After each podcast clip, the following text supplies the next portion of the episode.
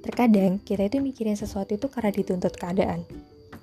Atau dengan kata lain, awalnya itu kita nggak mau gitu mikirin hal itu. Atau bahkan sama sekali nggak kepikiran.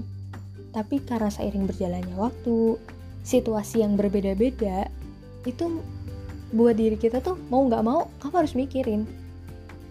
Terlalu banyak hal-hal baru berdatangan di luar kendali kita.